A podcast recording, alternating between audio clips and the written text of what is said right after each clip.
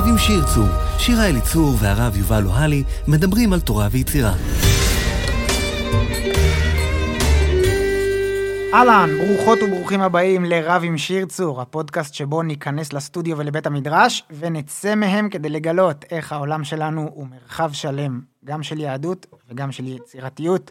אני יובל אוהלי, הרב יובל אוהלי, אני מבקשת. הרב יובל אוהלי, תודה רבה על התיקון, ממש תיקון חשוב. מה שלומך, שיר צור? וואלה, היום מעולה. טוב, יובל, על מה נדבר היום? את האמת שאני רוצה לספר קצת על, ה... על הסיפור האישי שלי. על הרגע שבו, אה, כן, אני לא מתבייש להגיד, הרגע שבו החיים שלי מאותה נקודה אה, השתנו וקב... ו... וקיבלו אה, כיוון אחר. תשמעי, אני בסוף גדלתי בירושלים, ילד ירושלמי אה, חמוד ונחמד, והפעם הראשונה שיצאתי באמת מהבית, מהבועה של, אה, של השכונה, של החבר'ה הקרובים אליי, הייתה באמת בכיתה ט'.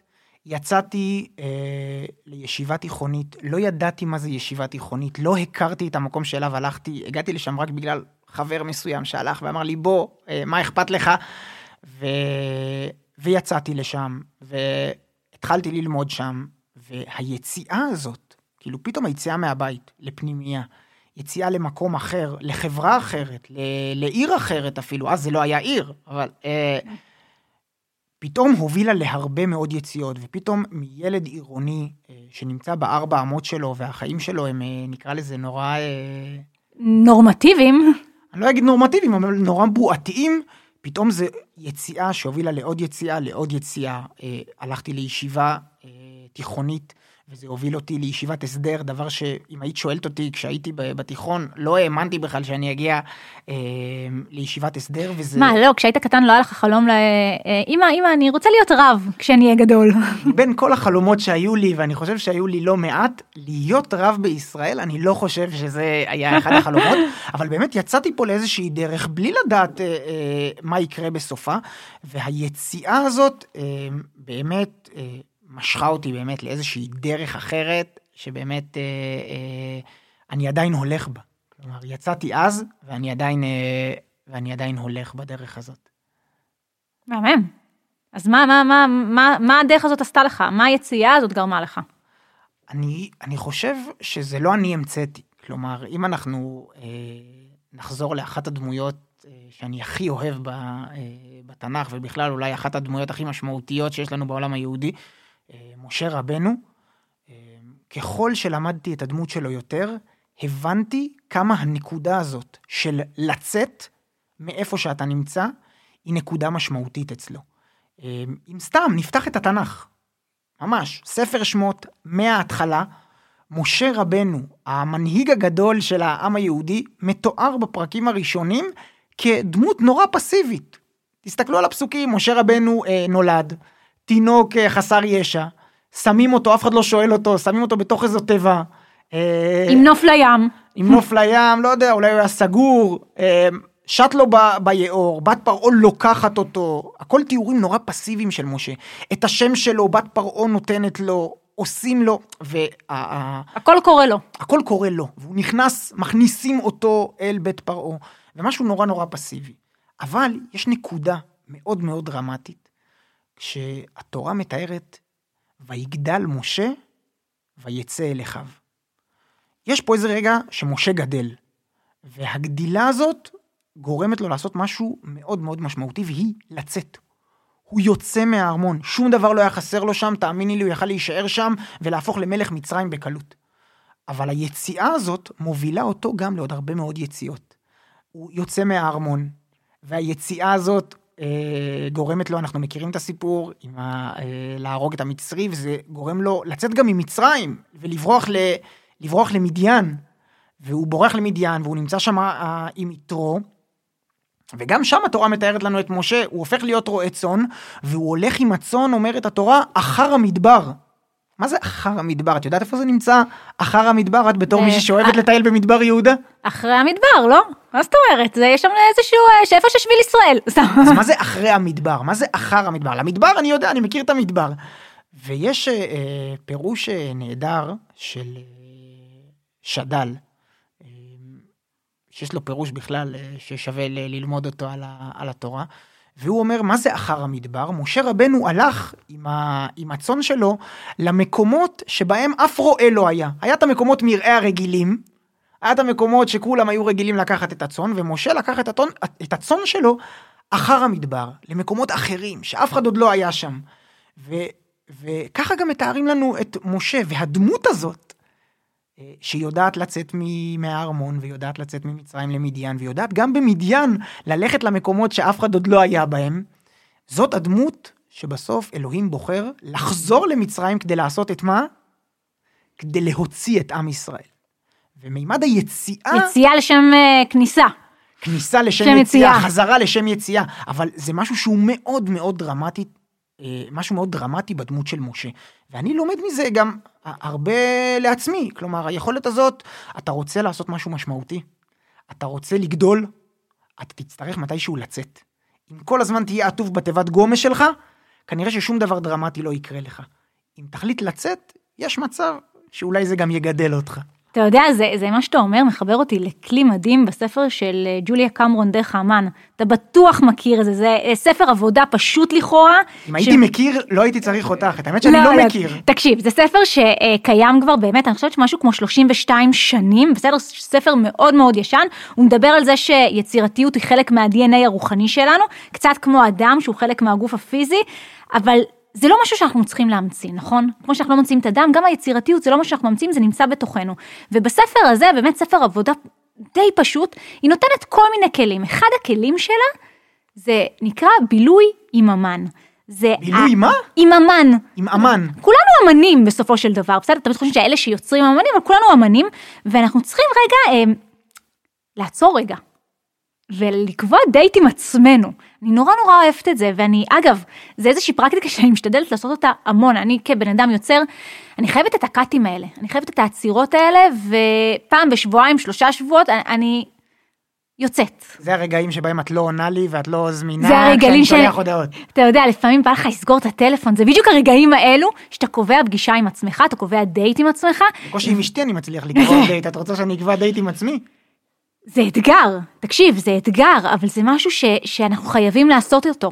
וסתם, זה מזכיר לי את, ה, את אחד הדייטים המיוחדים שהיו לי, אה, יצאתי לתערוכה של דלי, של האמן דלי, בתערוכה מדהימה בהרצליה פיתוח, וסתם ככה לסבר את האוזן, דלי הפך את הסוריאליזם לאיזשהו טרנד מטורף בשנות ה-40 וה-50, אף ריאליטי לא מגיע לרמה של הסוריאליזם בחיים של סלבדור דלי, אתם יודעים, זה הבחור עם השפם הארוך. הוא די משוגע, הוא נחשב לאמן מטורף. ו- והאמן הזה עם הציור עם השעונים הזה? התמדת הזיכרון, בדיוק, כל הסיפור הזה שכל השעון, אה, שעון, שעונים אה, נוזלים לו, ואגב, אה, יש יצירה מדהימה שלו שהוא לוקח את התמונה שלו והופך אותה גם לסוג של שעון שנוזל, ובעצם מה זה סוריאליזם? סוריאליזם זה מעל המציאות. עכשיו תראה, אני אגיד לך תכלס, הגעתי לתערוכה, ואני אפילו לא זוכרת להגיד לך מה ראיתי. אני כן זוכרת שנכנסתי לאיזשהו אמ, סרט של מציאות רבודה. אתה יודע, שמים לך את המשקפיים ואתה באמת נכנס לאיזושהי תודעה שהיא מעל למציאות. אני לא מעניין אותי מה ראיתי שם. כמובן חוויתי את העולם של דלי ואת הטירוף הזה שלו ואת ה, את האפשר, את האפשרות הזאת שהכל יכול לקרות לך. אבל יצאתי משם והתחלתי ליצור. כלומר, זה, זה פתח בי משהו, אמרת, כאילו היציאה אה, אה, לשם הסוג של התכנסות קצת בעצמנו, סוג של פגישה עם עצמנו, סוג של יציאה מאיזשהו אזור נוחות, לבוא ולהכיר משהו חדש, וואו, זה, זה, זה כאילו, זה, זה נתן לי את האופציה ליצור בצורה טיפה שונה. חושב שאני לא אגזים אם אני אגיד שאפשר ממש לחלק את העולם לאנשים שמסוגלים לעשות את מה שתיארת, ולאנשים שלא מסוגלים לעשות את מה שתיארת. למה הם לא מסוגלים? יש איזושהי תפיסה, שגם אני הייתי שותף לה הרבה מאוד שנים. אה, תפיסה שבאה ואומרת, אני צריך שתגיד לי מה לעשות. כלומר, על דעת עצמי, עכשיו לעצור, כמו ששיר צור מתארת, אני אעצור עכשיו, אני אקח דייט עם עצמי, ואני אלך ל- אה, למדבר יהודה עם אה, פקל קפה, ואיזה עוגה טובה.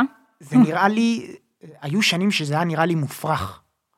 אה, ואני חושב שאפשר ממש לחלק את העולם. יש אה, מדרש, אני חושב שהוא המדרש הכי מדהים שאני נתקלתי בו בשנתיים האחרונות. אני אוהב מדרשים, אני חושב שזו הזדמנות מצוינת של חז"ל אה, לדייק אותנו על נקודות.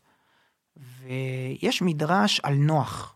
נוח המוכר, אנחנו מכירים את נוח. כן, נוח, חבר שלי. יש מדרש, אה, במדרש תנחומה, שמתאר את הדו-שיח שלו אה, עם הקדוש ברוך הוא לפני שהוא יוצא מהתיבה.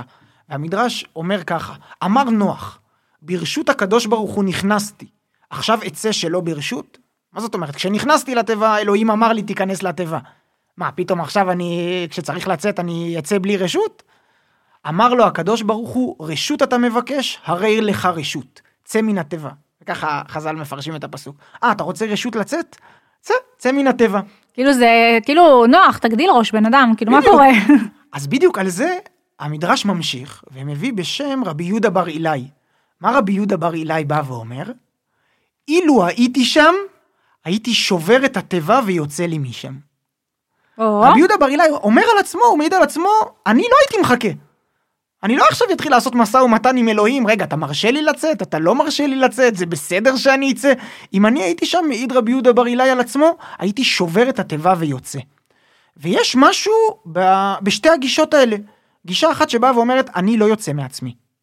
אני לא יוצא מעצמי. תן לי את המסגרת, תן לי, נתת לי איזה תיבה. אני תעטוף אותי. תעטוף אותי, אני מרגיש טוב בתיבה, אני מרגיש בטוח בתיבה, אני מרגיש כמו משה, בטוח בבית פרעה, עזוב אותי. ויש אנשים, ואני חושב שזה מה שמבדיל בסופו של דבר, אה, תקראי לזה מנהיגים, או שתקראי לזה אה, יוצרים ויוצרות, אנשים מעוררי השראה. אנשים מעוררי השראה, זה מה שמבדיל אותם מהחלק השני של העולם. אנשים שמסוגלים לבוא ולהגיד, אני יוצא. צריך לקרות פה, אם אני רוצה לגדול, אני חייב לצאת מהקליפה שלי, אני חייב לצאת מהתיבה שלי, אני חייב לצאת מ- ל- אה, מבית פרעה. והדבר הזה יגדל אותי, אני לא יודע לאן היציאה אה, תוביל אותי. אם יוצאים, כך נהוג לומר, אה, מגלים מקומות נפלאים. אני לא יודע לאן זה יוביל אותי, בדיוק כמו שכשאני יצאתי ל, אה, אה, לישיבה תיכונית, לא ידעתי שזה יוביל אותי אחר כך לישיבת הסדר, ולעשות אה, אה, צבא אה, מקוצר, שלא היה כמו החלומות שלי. אה, ואחר כך אה, לחזור לישיבה וללמוד רבנות, ו- וזה כל פעם יציאה מאיזושהי מסגרת שאני לא ידעתי לאיפה זה יוביל, אבל עצם היציאה, כשאני מסתכל עליה במבט לאחור, בסופו של דבר גידלה אותי. אתה יודע, אחד התרגילים הכי טובים בעולם היצירתיות, אני תמיד משתדלת לעשות את זה פעם ב... אה, לנסוע בלי ווייז. לנסוע בלי ווייז, איזה קשה זה. אנחנו רגילים, אתה יודע, יש לנו תבניות בחיים, אנחנו רגילים שהכל כזה נורא נורא מסודר, ואני אומרת שלפעמים, לרגע, בוא נלך לאיבוד. מה קרה? מה קרה אם נלך, לא אומרת, אתם בדרך לפגישה חשובה, אל תעשו את זה, בסדר, שימו ווייז, אבל תנסו פעם אחת לנסוע בדרך שלא הייתם רגילים לנסוע איתה. תנסו פעם אחת ללכת בשביל אה, שהוא לא מוכר לכם, בסדר? אני באה לי להגיד לכם בתור מדריכת טיולים, תמיד תישארו בסימון שבילים, אבל לפעמים, לפעמים, אה, יש עוד שבילים שאפשר אה, לחפש מסביב. אני חושבת ש... אני תמיד אומרת שבאזור הנוחות, תקשיב, יובל, לא נוח. לא נוח מחוץ לאזור הנוחות. באזור הנוחות נוח מאוד, מחוץ לאזור הנוחות לא נוח. ובשביל להצליח, בשביל להצליח באמת, צריך שלפעמים קצת לא יהיה לנו נוח. הבאת פה את הדוגמה של סימון שבילים, ואני חושב שהיא דוגמה מצוינת. אני לא יודע אם אמרתי לך את זה פעם, אני חושב שיש דברים שעדיין לא אמרתי לך. לא יכול להיות. סימון שבילים הוא דוגמה מצוינת, למה? כי מי שם את הסימון שבילים? אה, הפקחים, כלומר, אלה שמצאו, שסללו את הדרך. כלומר, היה פעם מישהו שהלך בשביל שלא היה בו סימון. או, ורק בגלל שהיה בן אדם כזה שהעז ללכת למדבר עם מפה טופוגרפית ולנסות להבין את השטח, ואחר כך גם לסמן אותו לאחרים, אז היום את יכולה לבוא ולהגיד לנו כמדריכת טיולים, תישארו בסימון. אבל היה מישהו כזה. היה מישהו כזה חלוץ. כמו ד... כן, היה מישהו כמו דלי, שהראה לנו בפעם הראשונה אה, אה, איך נראה סוריאליזם. והיה לנו את המסמן שבילים הראשון שסימן לנו. והיה לנו את משה רבנו שהראה לנו איך יוצאים. את האמת שזה לא משה רבנו המציא את זה. הרי היה לו היסטוריה של, אה, של אברהם אבינו, שיצא, שיצא ראשון. ולמען האמת, הראשון שיצא, מי הראשון שיצא? וואו, מי? אדם וחווה יצאו מגן עדן. צריך להבין, העולם שבו אנחנו חיים, זה העולם שאליו הם יצאו. האם זה תמיד בחירה לצאת, או שזה לפעמים פשוט קורה לנו? קצת כמו אדם וחווה. שוב, לפעמים, אה, לפעמים יעיפו אותך בביתה. יעיפו אותך בבעיטה במבט ראשון, יראה לך, יגיד לך, וואי, זה, זה טירוף. ו... ולפעמים אתה תבחר לצאת. כל מקום עבודה שעבדת בו, שאני עובד בו, שכל אחד אה, ואחת עובדים בו, יודעים, יש רגעים שאתה אה, מגיע למיצוי ואתה אומר, אני מרגיש שאני צריך לצאת אה, לדרך חדשה. ויש רגעים שיגידו לך, אתה צריך לצאת. כן. אמ, וכמה זה מפחיד על לצאת לדרך. כלומר, תראה, גם בתור אחת שמאוד אוהבת לבחון גבולות, מאוד אוהבת לצאת, מאוד אוהבת לאתגר את עצמי, אני לא אומרת זה. זה מפחיד החוסר ודאות הזה. המקום הזה שאתה הולך ואתה לא בטוח יודע מה תמצא בהמשך, מה יהיה הנוף, האם תגיע לתצפית, האם לא תתברבר פה עכשיו שבע שעות בלי כוס מים. אתה מבין? את האמת שאני, את האמת שאני מאוד מאוד מבין. יש uh, ביטוי בהלכה. Uh, זה מובא למחלוקת הלכתית, הייתה בגמרא איזושהי uh, uh, מחלוקת הלכתית, ולא ידעו בדיוק מה פוסקים. אה, ובבית המדרש ככה, יושבים הפוסקים, יושבים אה, חכמי התלמוד, ולא יודעים מה לפסוק. ופתאום יש אמירה מדהימה, שאחרי זה חוזרת ב, אה, ב, בתלמוד כמה וכמה פעמים, פוק חזה מהי עם הדבר. שאתה... דיברת סינית. דיברתי ארמית למען האמת ולא סינית, ולכן אני אתרגם, מה זה פוק חזה מהי עם הדבר? התרגום המילולי בעברית זה צא וראה מה, מה אנשים עושים, מה קורה בחוץ. ולפי מה שקורה בחוץ, תדע איך צריכה להיות ההלכה. כלומר, חז"ל הבינו שלפעמים הדרך הכי טובה לייצר פרקטיקה, הדרך הכי טובה להבין גם את עולם ההלכה, היא לצאת ולראות מה אנשים עושים. לצאת מבית המדרש. נכון. לצאת מהסטודיו, לצאת מבית המדרש, לצאת מעצמנו. אני חושב שזאת הייתה אולי העצה הכי טובה שלמדתי מרבותיי. הדבר הזה שכל עוד תישאר בבית המדרש, אמ, אתה, אתה תישאר, נכון, יכול להיות שיהיה לך הרבה ידע, אתה תהיה נורא חכם, אתה תוכל זה, אבל אם אתה רוצה באמת לפסוק, אם אתה רוצה שהתורה תהיה משמעותית לאנשים, שאתה רוצה ללמד תורה, אתה חייב להיות במגע עם המציאות, אתה חייב כל הזמן לצאת. לצאת מבית המדרש ולצאת מאזור הנוחות שלך גם לפעמים. אתה יודע, זה קצת כמו סטאז'. אה, יש, יש את התיאוריה ויש את הכיתה, ובסופו של דבר, אה, רגע לפני שאתה יוצא לחיים אמיתיים, אתה צריך קצת להתנסות, נכון? אני חושב שההבדל, בטח ברבנות, הוא שאתה זה כל הזמן. כלומר, אין תקופת סטאז' לרבנות, שאתה יכול להגיד, אה, עשיתי אה, שנה סטאז', אה, כן. שלוש שנים סטאז' ברבנות, ועכשיו אני יודע את התשובות לכל השאלות. להפך, ואני חושב שה... גם החיים כל הזמן מתחדשים ומשתנים, והסוגיות משתנות, אז אתה כל הזמן צריך להיות עם יד על הדופק. זה לא רק עם יד על הדופק, זה לראות איפה הציבור נמצא, ומה השפה של הציבור, ומה מעניין את הציבור, והאם אני כרב צריך להיות שם במרחבים האלה, לא צריך להיות שם במרחבים האלה. זה שאלות שכל הזמן מעסיקות אותי, ואני בטוח שכל יוצרת, או כל יוצר, זה גם מעסיק אותם, של להיות כל הזמן עם היד על הדופק. אל מול הרצון הזה לפעמים, כן, אולי אה, להתכנס פנימה. אבל זה את תספרי לנו איך מרגישים יוצרים. האמת היא שאני חושבת שזה, שזה המון המון... אה... עולמות משולבים, המון המון קונפליקטים, המון אה, דיאלוגים פנימיים, כאילו סליחה על הפלצנות, אבל אתה יודע, בתור כל יוצר אנחנו חייבים בשביל לצאת החוצה, אנחנו חייבים קצת להתכנס פנימה, אני חושבת שהיציאה היא, היא ההתכנסות פנימה, כאילו אם אני לוקחת את זה למקום הפרקטי הזה של כאילו מה לעשות כשאתה, אין לך השראה, כשאתה תקוע, אתה יודע, תמיד אומרים, אנשים יצירתיים, אתם כל הזמן יוצרים וזה, אבל היי, גם לנו יש את הרגעים האלה, שאנחנו מחפשים את המקום הזה ליצירה. אז בואי תכניסי אותנו לעולמה של אה, שיר צור, ותגידי, גם לי, וגם למאזינות ולמאזינים שלנו, מה עושים עם זה מחר בבוקר? או, אני אוהבת שאתה נהיה פרקטי. תראה, יש לי איזושהי תפיסה, אני תמיד מדברת על מרחבי יצירה, בסדר? אמ, יכול מאוד להיות שאנחנו כל חיינו נשב במשרד אחד, וניצור ממנו. עכשיו, החלל הוא נרטיב, הוא מספר לנו סיפור, וכשהחלל הזה סוגר עלינו, אנחנו כל כך רגילים אליו, משהו קורה ביצירה שלנו. עכשיו, לי יש איזשהו אה, הסכם שיום אחד אני עובדת מהבית, מהים, מבית קפה, מכל מקום שהוא לא הנרטיב המוכר שלי בשביל לשבור רגע את השגרה הזאת. ופעם בחודש, פעם בשלושה שבועות, אני באמת, אני משתדלת לצאת. לצאת ולחפש את ההשראה שלי בתערוכה, בכנס. כאילו לא לצאת כחופש, לא, לצאת לא, לא כעבודה. לא, חד משמעית, כאילו, אתה יודע, בסופו של דבר זה נורא נחמד, זה כיף לעבוד אה, בים, אבל לגמרי עבודה, זה לא חופש, זה חלק מה, מהבילוי שלי עם אמן, כמו שג'וליה קמרון אומרת, זה חלק מה, מהחובות שלי ליצירה בשביל להתחדש כל הזמן, הרי העולם הזה משתנה בקצב פסיכי, ובשביל להתחדש כל הזמן, אנחנו לגמרי צריכים לצאת, אמרתי, לצאת מאזור הנוחות. לפעמים לא חשוב שיהיה לנו כל כך נוח, כי בשביל להצליח צריך להיות שיהיה קצת, טיפה, טיפה, טיפה לא נוח, ולנשום, בעיקר לנשום. וואו. אה, אז נשמנו, אז עכשיו גם אנחנו צריכים אה, אה, לצאת לנו לדרכנו, ואת ככה שולחת אותי, ובטוח גם את המאזינות ואת המאזינים שלנו, עם הרבה מחשבות, מה שנקרא, מה הדייט הבא שלי עם עצמי. או, כן. אז תודה רבה רב יובל. תודה רבה שיר צור, איזה כיף. הפודקאסט שלנו יעלה בכל הפלטפורמות אה, שקיימות, וגם באתר שלי, תקלידו שיר צור בגוגל, וזו הזדמנות טובה לומר תודה לרשות החדשנות של עיריית ירושלים ושל, ולאבי ברין שאחראי פה על כל ההפקה.